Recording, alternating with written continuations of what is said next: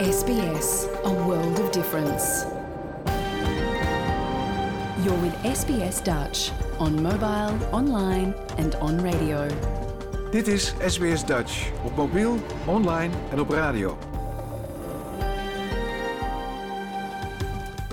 Graag erkennen wij de traditionele eigenaren en verzorgers van het land, van waar we vandaag SBS Dutch uitzenden, en uiten we ons respect aan de Camaragal mensen van de Kurungay Nation en hun ouderlingen uit het heden en het verleden.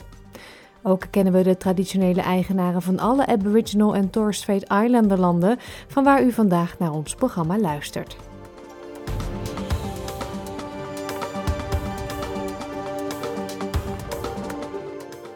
Goedemorgen, mijn naam is Pauline Roesink. Het is zaterdag 13 mei 2023 en u luistert naar SBS Dutch, het Nederlandstalige radioprogramma van SBS.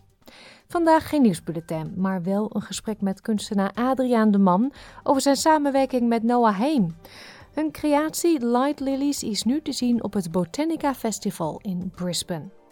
Verder een gesprek met Tim Dekkers over de finale van het Songfestival, zonder Nederland maar met Australië. We hebben cabaret van Herman Vinkers, het willekeurige weekoverzicht en muziek. Maar we beginnen met iets heel anders. Voor het eerst hebben wetenschappers een directe link kunnen leggen tussen de rook van bosbranden en weerpatronen die verband houden met grootschalige overstromingen. Centraal in het onderzoek staan de verwoestende bosbranden tijdens de Black Summer in 2019 en de maanden van overstromingen die daarop volgden. SBS Dutch. Deel onze verhalen op Facebook. Het werd beschreven als apocalyptisch. Yeah, spot fires galore down here. We're talking about 60, 70 meter flame heights. 60, 70 meter flame height.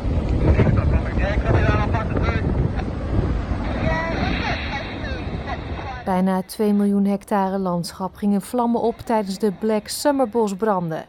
Beelden van Australische steden, gehuld in een waas van rook, gingen de hele wereld over. Zelfs in Nieuw-Zeeland kon men de rook zien en ruiken. De lucht klaarde uiteindelijk op, maar die emissies verdwenen niet zomaar. Dr. Tom Mortlock van het Onderzoekscentrum voor Klimaatverandering van de Universiteit van New South Wales zegt dat een deel van die emissies de atmosfeer binnendrong en verder zweefde dan over de Tasmanzee.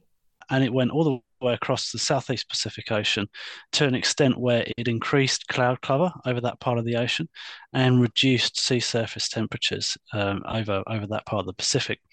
Now, the southeast Pacific Ocean is a really important part of the ocean in terms of um, El Nino Southern Oscillation. It's where we often see the onset of an El Nino event or an onset of a La Nina event, and any externalities um, like cloud cover, for example, certainly can push the system into one state or another.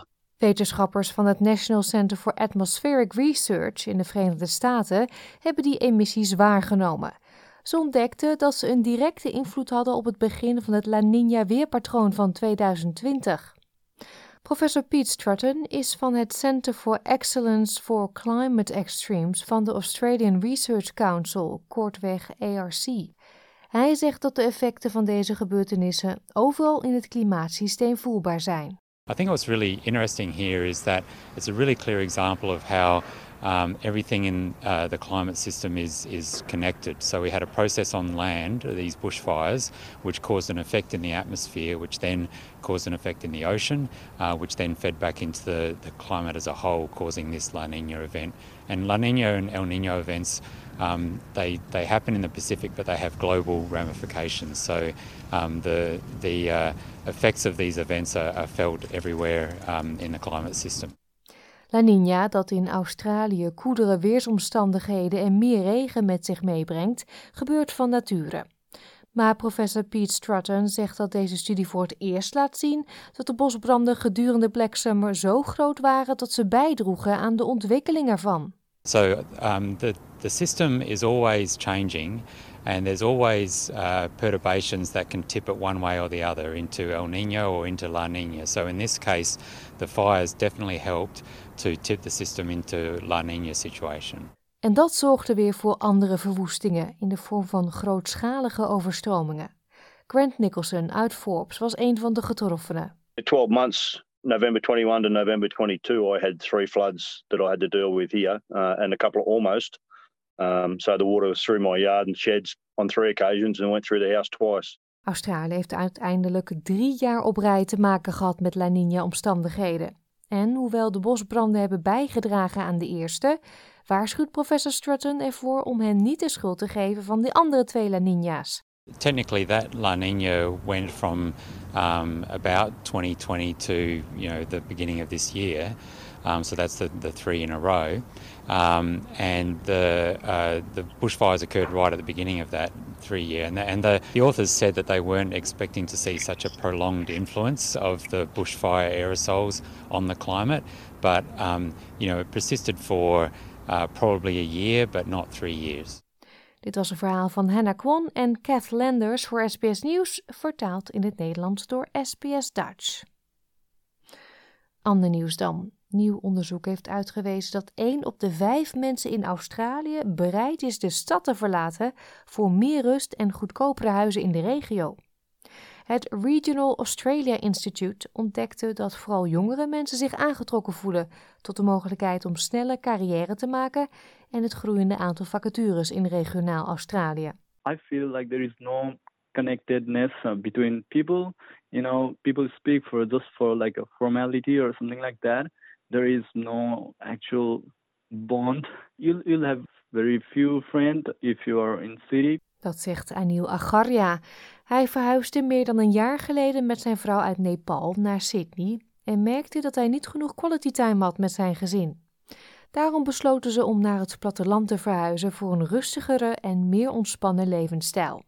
De ingenieur zegt dat het hun leven op veel manieren heeft verbeterd. For me, it was you know having um, having a family time. It was it was the major benefit which you know I had like less work pressure. You know, I I don't I don't have to like travel to work. It was like I had to work you know walking distance, and that saved me to have a more fam- family time. And apart from that, you know, the cost of living is like you know it's very affordable. The regional towns are very affordable, and um, if you have like a good job, you'd have plenty of opportunities to, you know, uh, to save the money as well in terms of money. En de familie Argaria is niet de enige. Volgens het Regional Australia Institute overweegt 1 op de 5 mensen om vanuit de stad naar het regionaal gebied te verhuizen. Lorita Wallace is de campagnedirecteur van het instituut. We've carried out this research of a thousand capital cities Australians in 2019, in 2021, and now. And the overarching statistic is that dissatisfaction with city living is on the rise. So in 2021, 10% of those surveys said they were dissatisfied with city living. That is now at 14. And the reasons underpinning that dissatisfaction is congestion, traffic congestion, that rising cost of living, and there's, there's a feeling of wanting to de-stress and reduce anxiety. Het instituut constateerde dat regionaal Australië tussen 2020 en 2021 met 70.000 mensen is gegroeid als gevolg van de veranderende migratiepatronen door de pandemie. Dit jaar is de migratie naar regionale gebieden met 16% gestegen ten opzichte van het niveau van voor de pandemie, ondanks een kleine toename van het aantal mensen dat terugkeren naar de stad. Tricia Chester is een woordvoerster van het Australian Bureau of Statistics. Ze legt de migratietrends in het hele land uit. Migration plays out quite differently in each of the capital cities. So Melbourne and Sydney had the biggest gain from net overseas migration, but the biggest losses to interstate migration. So just for example, Sydney grew by 37,000 people over the financial year, but a net internal migration outflow of around 52,000 people. But the, the growth in the regions is also quite strong. So, regional centres along the coast, so Sunshine Coast, Gold Coast, um, had quite high growth. And New South Wales Hunter Valley area and Geelong in Victoria also had quite large growth rates. En het is niet alleen een verlangen naar een betere kwaliteit van leven dat deze trend aandrijft. Het onderzoek bracht ook aan het licht dat de houding ten opzichte van regionale banen is veranderd. 73% van de ondervraagden gaf aan dat de mogelijkheid om van het huis te werken een drijfveer was om naar de regio te verhuizen. Mevrouw Wallace zegt dat mensen van 35 jaar en jonger het meest optimistisch zijn over regionaal wonen. young people are more switched on to the job opportunities in the region, so they're more positive than their other than other cohorts about um, the career progression, salary opportunities in the regions. And after the pandemic and maybe before that, that cohort is more attuned to, you know, getting their work life balance right and, and, and thinking of really differently about how to get the work done. You know, a different approach, flexible approach to where they do the work and how they do it. Migranten worden vaak aangemoedigd om regionaal Australië te gaan wonen in plaats van rechtstreeks naar steden te verhuizen. Meneer Argaria woont nu in de regionale stad Singleton in New South Wales, ten noorden van Sydney. Hij zegt dat het gemakkelijker was om zich in Australië in een regionale plaats te vestigen dan in de stad. I'm from a multicultural background, and uh, uh, when we decided to move, we had a like a doubt regarding like how we would be able to integrate into that, you know, into the particular society. After we like moved there, the reality was like slightly. I'd say it was it, it was a completely different. People were helpful and welcoming, and uh, people wanted to know more about us more, they wanted to like to know more about our you know cultural background as well and lots of people were asking for travel advices as well you know they wanted to go to nepal as well Maar verhuizen naar de regio heeft ook zijn nadelen.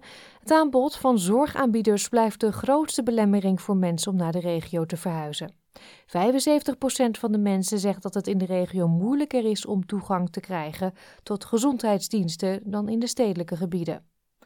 Een instroom van mensen uit de stad kan ook van invloed zijn op het huizenaanbod. Nicole Gurren is hoogleraar stedelijk en regionale planning aan de Universiteit van Sydney. Ze zegt dat een betere overheidsplanning nodig is om een bevolkingsverandering te ondersteunen.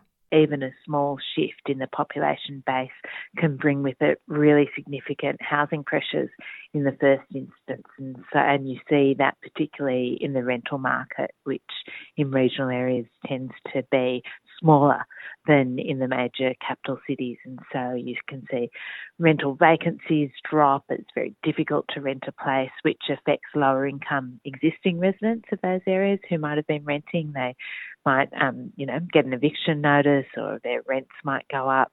And it makes it more difficult for people to, you know, move into home ownership. Dit verhaal werd gemaakt door Kira Heijn voor SBS Nieuws en door ons SBS Dutch vertaald in het Nederlands. Tijd voor het eerste plaatje voor vandaag. Dit is te zien met blauw. In Brisbane is gisteravond de vijfde editie van het Botanica Festival van start gegaan. Een festival met hedendaagse kunst en lichtjes, met kunstwerken van kunstenaars uit heel Australië. Maar dit keer ook voor het eerst werk van internationale kunstenaars en wel uit Nederland. Light Lilies is een samenwerking tussen Noah Heim en Adriaan de Man en die laatste sprak ik gisteren. Jouw gemeenschap, jouw gesprek, SBS Dutch. Adriaan, jij bent de helft van een uh, samenwerking met Noah Heim. En uh, jullie staan daar als eerste buitenlandse kunstenaars ook met een project. Hoe voelt dat? Uh, ja, dat is wel een beetje speciaal inderdaad. Het is heel leuk. ik denk dat het voor het festival zelf ook interessant is om mensen van buitenaf te hebben. En voor ons is het een hele mooie kans om iets te doen helemaal aan de andere kant van de wereld. Ja, eerste keer in Australië ook? Dat ook inderdaad, de eerste keer in Australië. En dan meteen aan het werk. en dan meteen, ja, ja, we hadden één dag van een jetlag en daarna zijn we super hard gaan werken. En ondertussen is alles af, dus een mooie eerste week in Australië.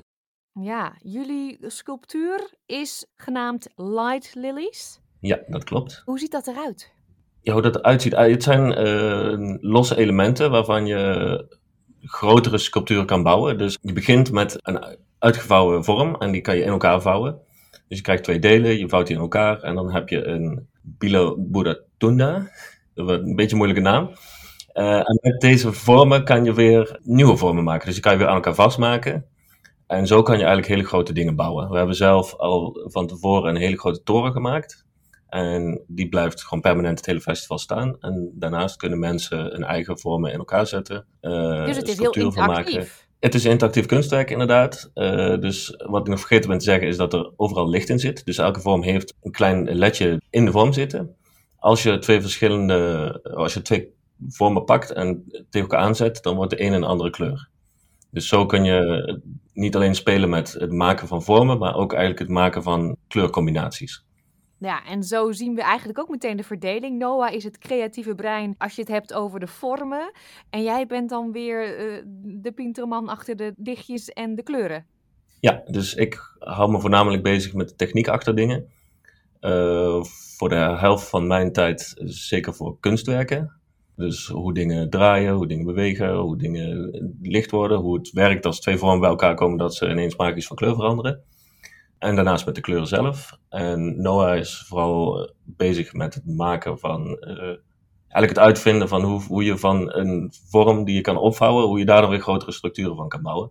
Want natuurlijk past niet altijd alles in elkaar. Het moeten vormen zijn die weer in elkaar passen en daar weer meer grotere structuren kan bouwen.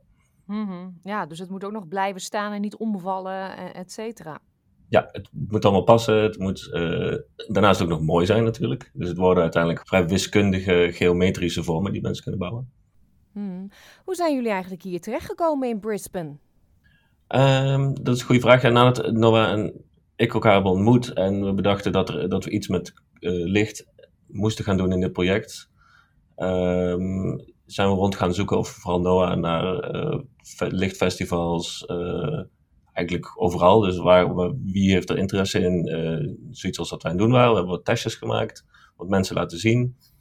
En toen zijn we terechtgekomen bij Botanica. Het Stimuleringsfonds vond dat een heel goed idee. Dus toen zijn we een aanvraag gaan schrijven om een subsidie te krijgen. En het Stimuleringsfonds heeft ons die gegeven. En daarmee hebben wij dit eigenlijk allemaal voor elkaar gekregen. Om helemaal hier naartoe te komen en uh, dit te presenteren in Australië.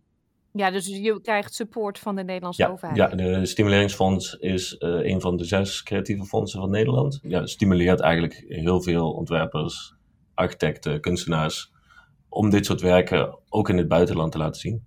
Hmm. Is het jullie eerste samenwerking? Ja, dit is onze eerste samenwerking. We hebben elkaar ontmoet tijdens een soort van creatieve handelsmissie van de RVO een paar jaar geleden in Mumbai. Klinkt heel internationaal, maar goed, heel toevallig. Wij waren daar en uh, ik werkte toen voor andere kunstenaars. En Noah was al bezig met wat ze nu doet. En er kwam een vraag ergens vandaan van, hey, kunnen we dit niet wat jij doet doen, maar dan met licht? Uh, en zodoende kwamen we aan de praat en ja, het is eigenlijk een beetje ontstaan wat we nu hebben gemaakt. Ja, en ik heb begrepen, omdat dit in Brisbane is dit keer, Noah gebruikt normaal papier. Misschien moet het even uitleggen voor de luisteraars, want we hebben het altijd over Noah. En dan denken zij misschien, waarom stel je haar gewoon niet die vragen? Maar zij heeft een beetje heel erg last van de stem, hè? Ze, ze, ja. ze kan weinig zeggen op het moment. Ja, ze is dus, hier wel. Ze zit wel naast je, ja. Ze zit hier wel. Um, haar stem is jammer genoeg, uh, ja, ik denk door de, de airco's, de, de vliegtuigen, helaas helemaal verdwenen. Dus daarom moet ik alles vertellen. Ja. En ik hoop dat ik alles goed vertel. Ja, dat denk ik wel. Maar Noah, die, wat je al zei, ze doet dit al langer. Daarvoor gebruikte ze papier, als ik het goed heb. Ja, karton. Maar nu, in Brisbane, met het weer, we kennen het allemaal wel, heel erg vochtig, uh, warm, koud, regen. Het is een beetje een gekke tijd van het jaar. Ja. Dan zou er niet veel overblijven van dat kunstwerk. Daar hebben jullie een oplossing voor moeten verzinnen.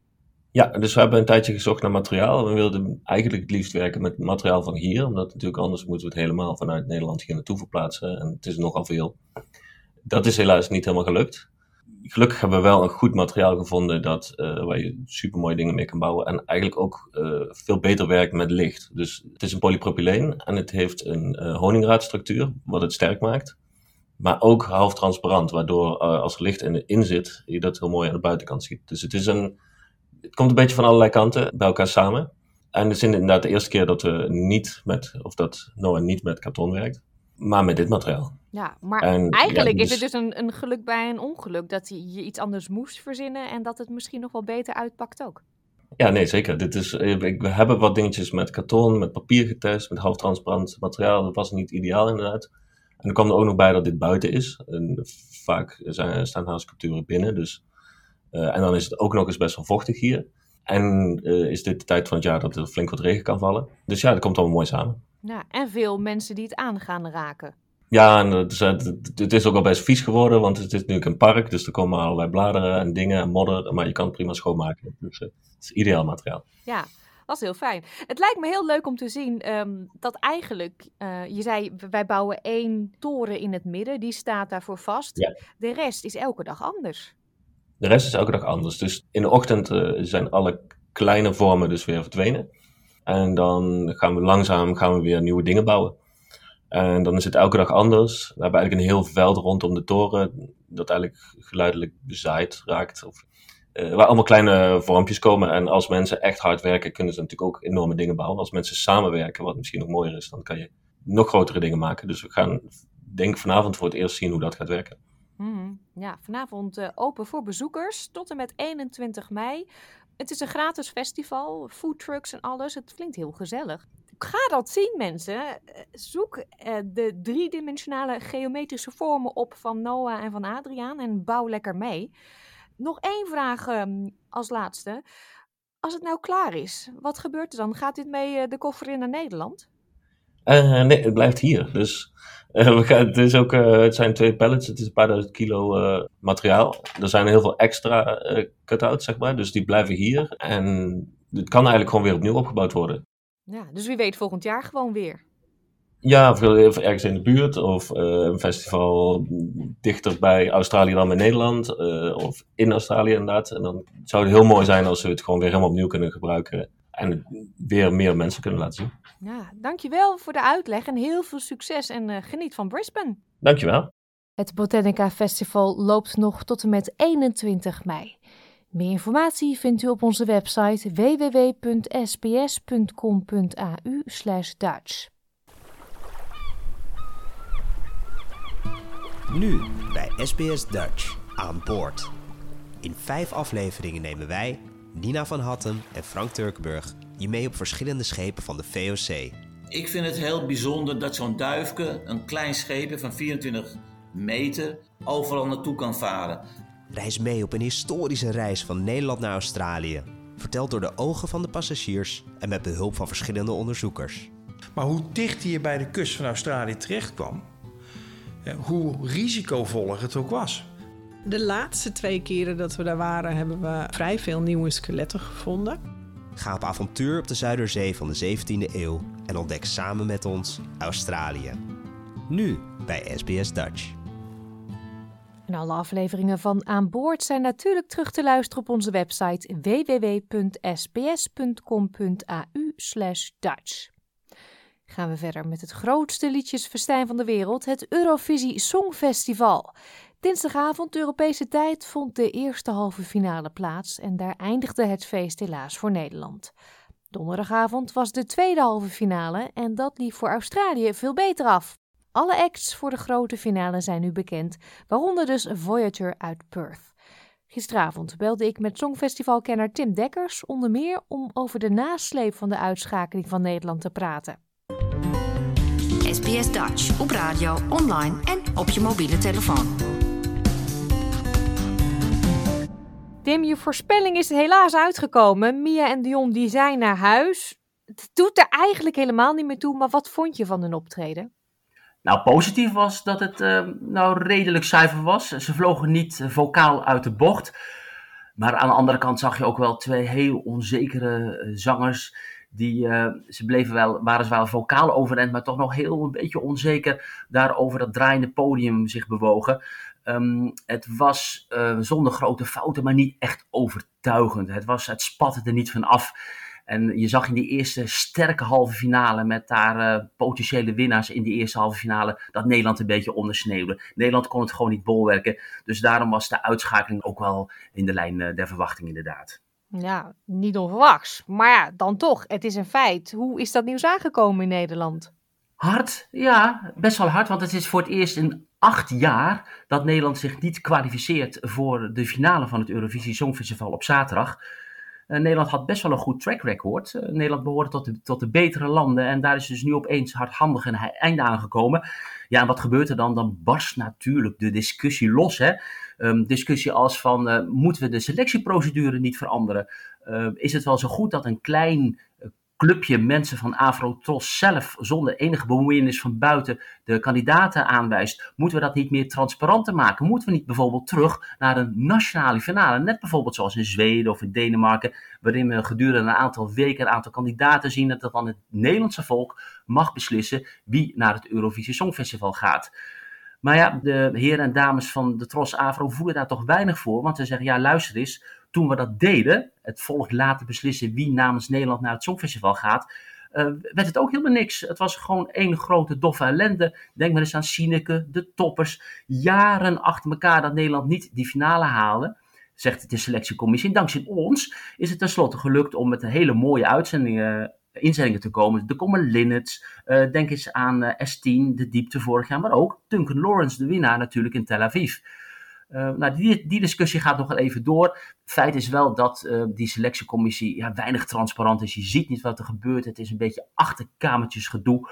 Um, dus ik denk dat daar nog wel verder over wordt gediscussieerd. Ja, en Paulien, we vragen ons ook af: moet Nederland nou toch elke keer weer zo'n ingetogen beladen sturen. Waarom niet lekker een feestnummer waarin het er afspat? Stuur eens Armin van Buren, eh, de, onze lekkere DJ of uh, andere zangeressen eh, die het dak van het huis zingen.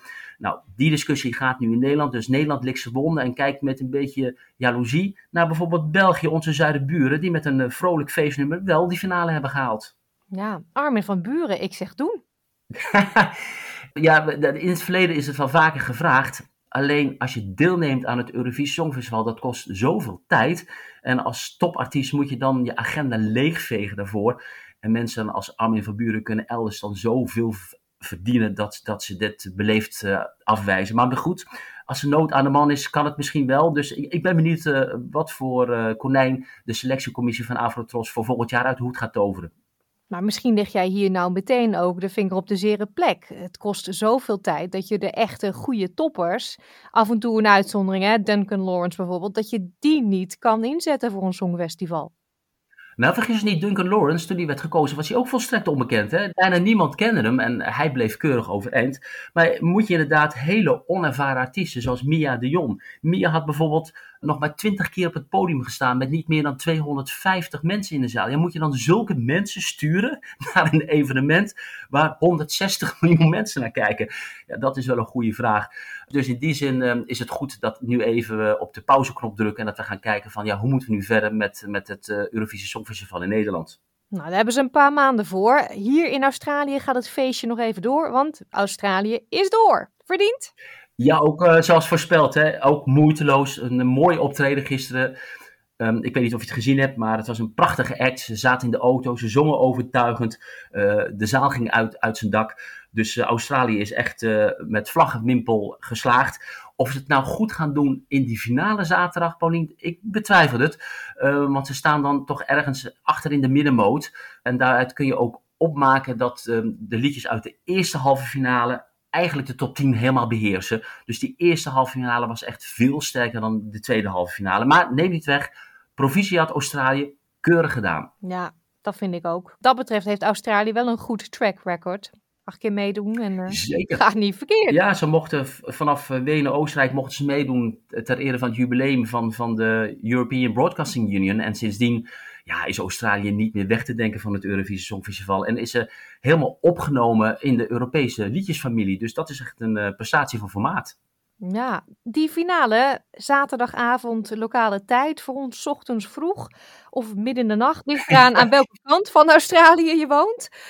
Wat staat ons te wachten?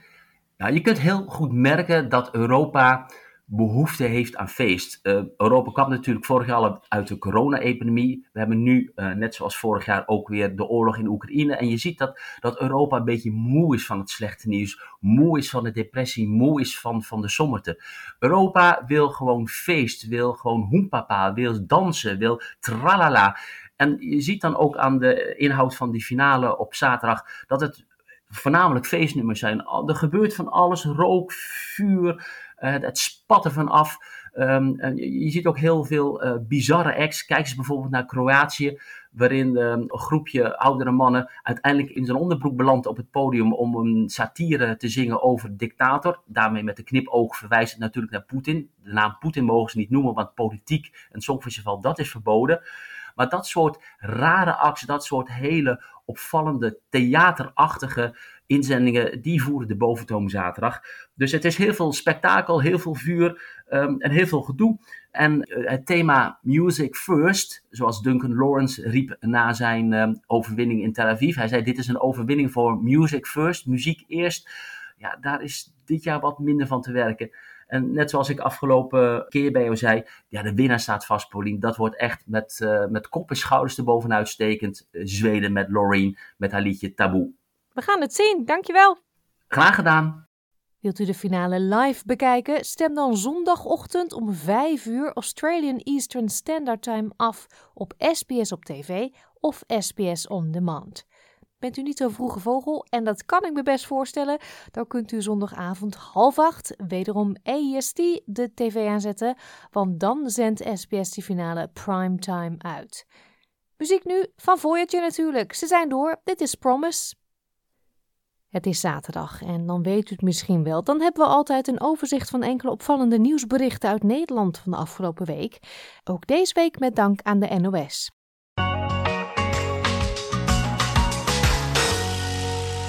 Begin deze week werd de Libris Literatuurprijs uitgereikt. Dat is een jaarlijkse prijs voor het beste Nederlandstalige literaire fictieboek uit het voorgaande kalenderjaar. De gelukkige winnares was Agnette Daanje, die de prijs kreeg voor haar roman Het lied van Ooievaar en Dromedaris. Ik wil de uh, prijs graag opdragen aan Emily Bronte. Want zonder, als zij Wilding Heights niet had geschreven, dan had ik mijn roman Het lied van Ooievaar en Dromedaris niet geschreven. Dus ik wil graag de jury en de, de organisatie van de Librisprijs uh, danken uh, voor, voor, het uitverkiezen van mij en ook een beetje van Emily Bronte.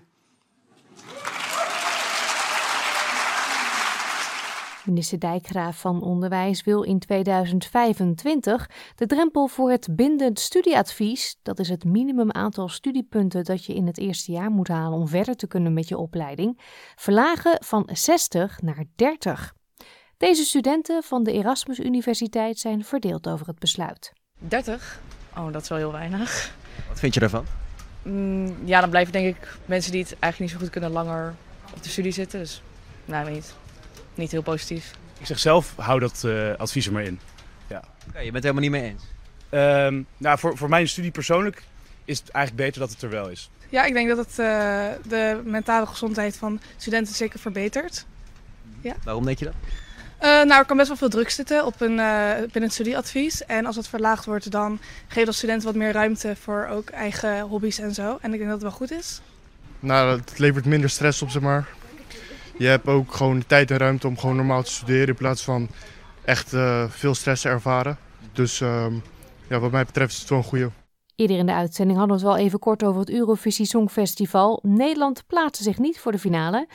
Mia Nicolai en Dion Cooper, die samen op het podium stonden, baalden van hun uitschakeling, maar gaan met een opgeheven hoofd terug naar huis. Ik denk dat we gewoon een, uh, ja, ja, een hele moeilijke hadden qua halve finale. Ja. Het was gewoon een ijzersterke pot. gespeeld. We hadden voor het eerst dit jaar televoting, dus Ja. niet de juryvoting. Ehm en eh, ja, wij hebben alles gegeven. We hebben Dus, echt eh, alles gegeven, dat kan ik je zeker zeggen. Hoe teleurgesteld zijn jullie? Schaal van is- 1 tot 10? Nou, ik, ja, geen eens een- een 10 of zo. Nee. Ik, baal, ik baal echt, want we zaten gewoon zo in spanning met z'n tweeën. En de landen tikken op en oh, we willen er zo graag bij zitten. En dat is gewoon heel erg balen. Ook omdat we gewoon een hele ja, crazy rit hebben gehad met z'n tweeën. En heel veel obstakels hebben mogen overwinnen om daar te staan op dat podium. En dat is zo mooi en zo vet. Dus ja, ik, ja, ik, ik baal wel ergens onderin eh 1, 2, 3. Tuurlijk, zeg ja. maar.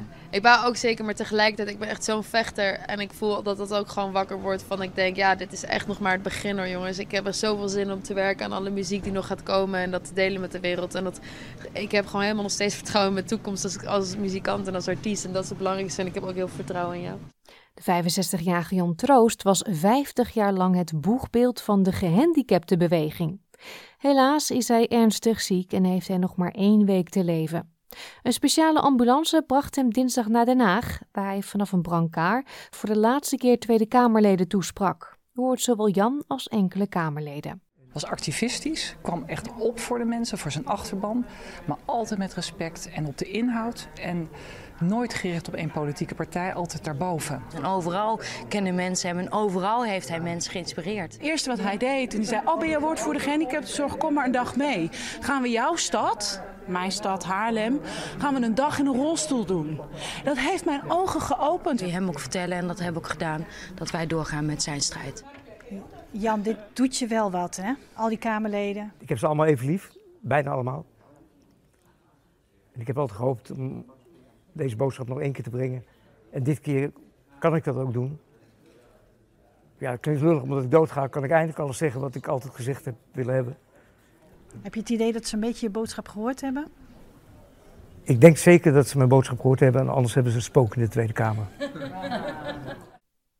Op het eiland Vlieland is een groot woningtekort en dat brengt Kees Visser, directeur van de basisschool, in een lastig parket.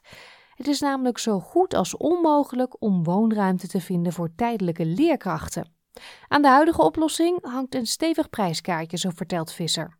Ja, het lukt, lukt nu door uh, voor peri langere periodes recreatieappartementen uh, af te huren, maar daar zit wel een prijskaartje aan. Het begint bij 1000 euro per persoon en dat kan per maand en dat kan oplopen tot misschien wel 2000 euro per maand in het hoogseizoen. Kan je nagaan als je twee of drie mensen in de vervanging hebt, wat het op jaarbasis met je budgetten doet.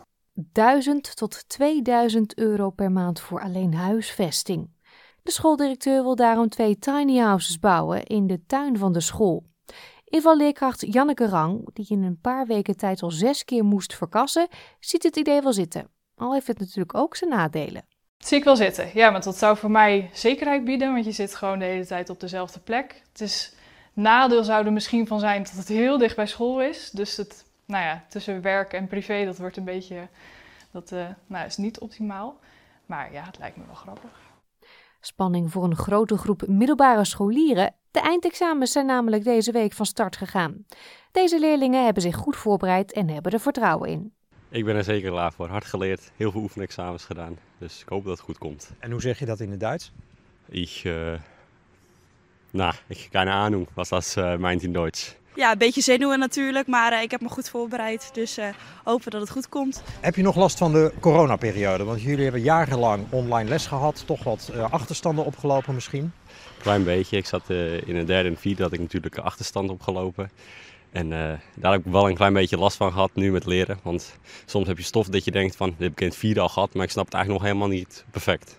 Ja, ik merkte wel bij vooral de exacte vakken dat ik wel wat achterstand had. Gewoon wat moeite met echt de basis. Maar ze hebben op school wel uh, hun best gedaan om dat weer op te bouwen, zeg maar.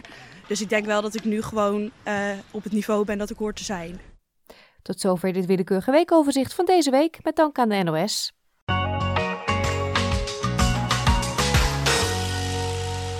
Taalman Frans Hertogs houdt van liedjes en zingt ze graag aan u voor.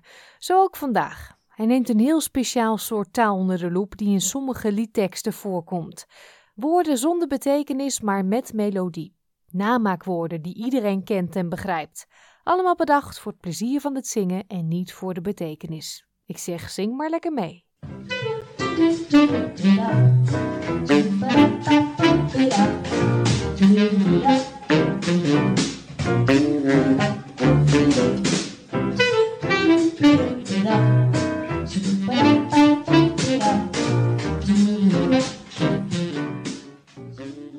La la la la. Een lied. Een lied, wat is dat eigenlijk precies? Nou, probeer dit eens. Een lied is een melodie met passende woorden en zinnen die samen ten gehore worden gebracht.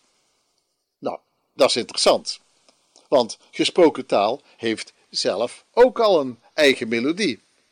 Luister maar eens naar deze verschillen. Ben je tevreden? Tegenover je bent tevreden. Die zinsmelodie is zo belangrijk dat de constatering je bent tevreden alleen door de melodie een echte vraag wordt. Luister maar. Je bent tevreden? Wie een melodie zingt, die heeft klanken nodig, desnoods primitieve of rare klanken. Zing maar eens een melodie met alleen maar la la la la. Nou, dan, dan zing je voor je gevoel geen echt lied. Echte woorden, die heb je nodig voor een echt lied. Maar ze hoeven niks te betekenen. Namaakwoorden zijn ook goed genoeg voor een lied. Dat zingt precies even lekker. En daarom kun je ook best een lied zingen in een taal die je helemaal niet kent. Katholieken hebben eeuwenlang Gregoriaans gezongen, zonder een flauw idee van wat de woorden betekenen. En uh, ken je nog die kinderliedjes met heerlijke onzinwoorden, zoals het aftelliedje in een minenbutte? Of uh, liedjes uit de oude doos, die vaak schitteren met onzinwoorden. Het prachtige lied, hij is met zijn gatje in het water gevallen, dat lacht uit met falderallerieren, falderalleraren. En in het brave lied, de uil zat in de olmen, daar zing je van, van Semidondijn van Farilola. En de kittige vier weverkens die men naar de botermarkt zag gaan, die zingen complete onzinzinnen als schietspoelen, tjerrebekken, spoelza, en jekke kerrekolletjes, klits, klets, voilà, voilà. Een melodie maakt de woorden dus noods zelf. Nou, het allermooiste onzinliedje vind ik toch wel het beroemde Nederlandse kinderlied Oze Wieze Woze. Daar komt geen betekenisvolle tekst aan te pas. Het bestaat helemaal uit onzinwoorden. Geen enkel gewoon woord komt erin voor. Luister maar. Oze, wieze, woze, wieze, walla, kristalla. Christoze, wieze, woze, wieze, wies, wies, wies, wies. En het klinkt dan gezongen zo. O, ze wie ze wo, ze wie ze walla, kristalla, Christo, ze wie ze wo, ze wie ze wies, wies, wies, wies. Eén lange onzinzin in twee helften, maar tegelijkertijd ook een glorieus tweeregelig gedicht, met zoetgevoisde klankovereenkomsten, met rijm, beginrijm en ritme. Ja, als je het alleen al gewoon zegt, dan begint de tekst vanzelf al te zingen. Oze, wie ze woze, wie ze walla, kristalla, Christoze, wie ze woze, wie ze wies, wies, wies, wies. Ja, en, en als je nou denkt dat dit dan wel een oeroud liedje zal zijn, dan heb je het helemaal mis. Want andere liedjes met onzinteksten zijn al eeuwen bekend, maar dit lied is pas in 1941 voor het eerst opgeschreven. En waar het vandaan komt, dat weet niemand. Er is wel eens beweerd dat het liedje uit de Antillen kwam. En het zou dan een verbastering zijn van een liedje in het Papiaments, de inheemse taal die gedeeltelijk is afgeleid van het Portugees. En dan, dat zou de tekst zoiets betekenen als: Vandaag is het kind gelukkig. Is het kind gered? Gedoopt is het. Dit kind is gelukkig. Dit kind, kinderen, kinderen, kinderen. Nou ja, dan zou dat superchristelijke papiaments de oceaan zijn overgestoken om grins uit te sterven en in het Nederlands een nieuw leven te beginnen als populair onzinliedje. dat, dat lijkt toch wel erg kras hoor. Nou, laten we het maar gewoon houden op het plezier van zingen, zonder dat je daarbij doodgewone, betekenisvolle woorden hoeft te gebruiken. O, ze wie ze woze bewijst het. Alles, alles zingt beter dan la la la la. Ik dank u wel.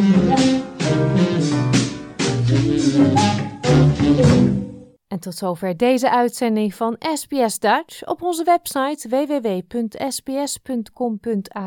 Dutch kunt u deze uitzending en al onze verhalen en podcastseries terugluisteren.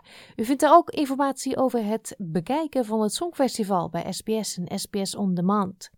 We sluiten af met muziek van Rob de Nijs. Dit is Dag Zuster Ursula. Ik wens u een heel fijn weekend. Graag tot woensdag. Like, deel, geef je reactie. Volg SBS Dutch op Facebook.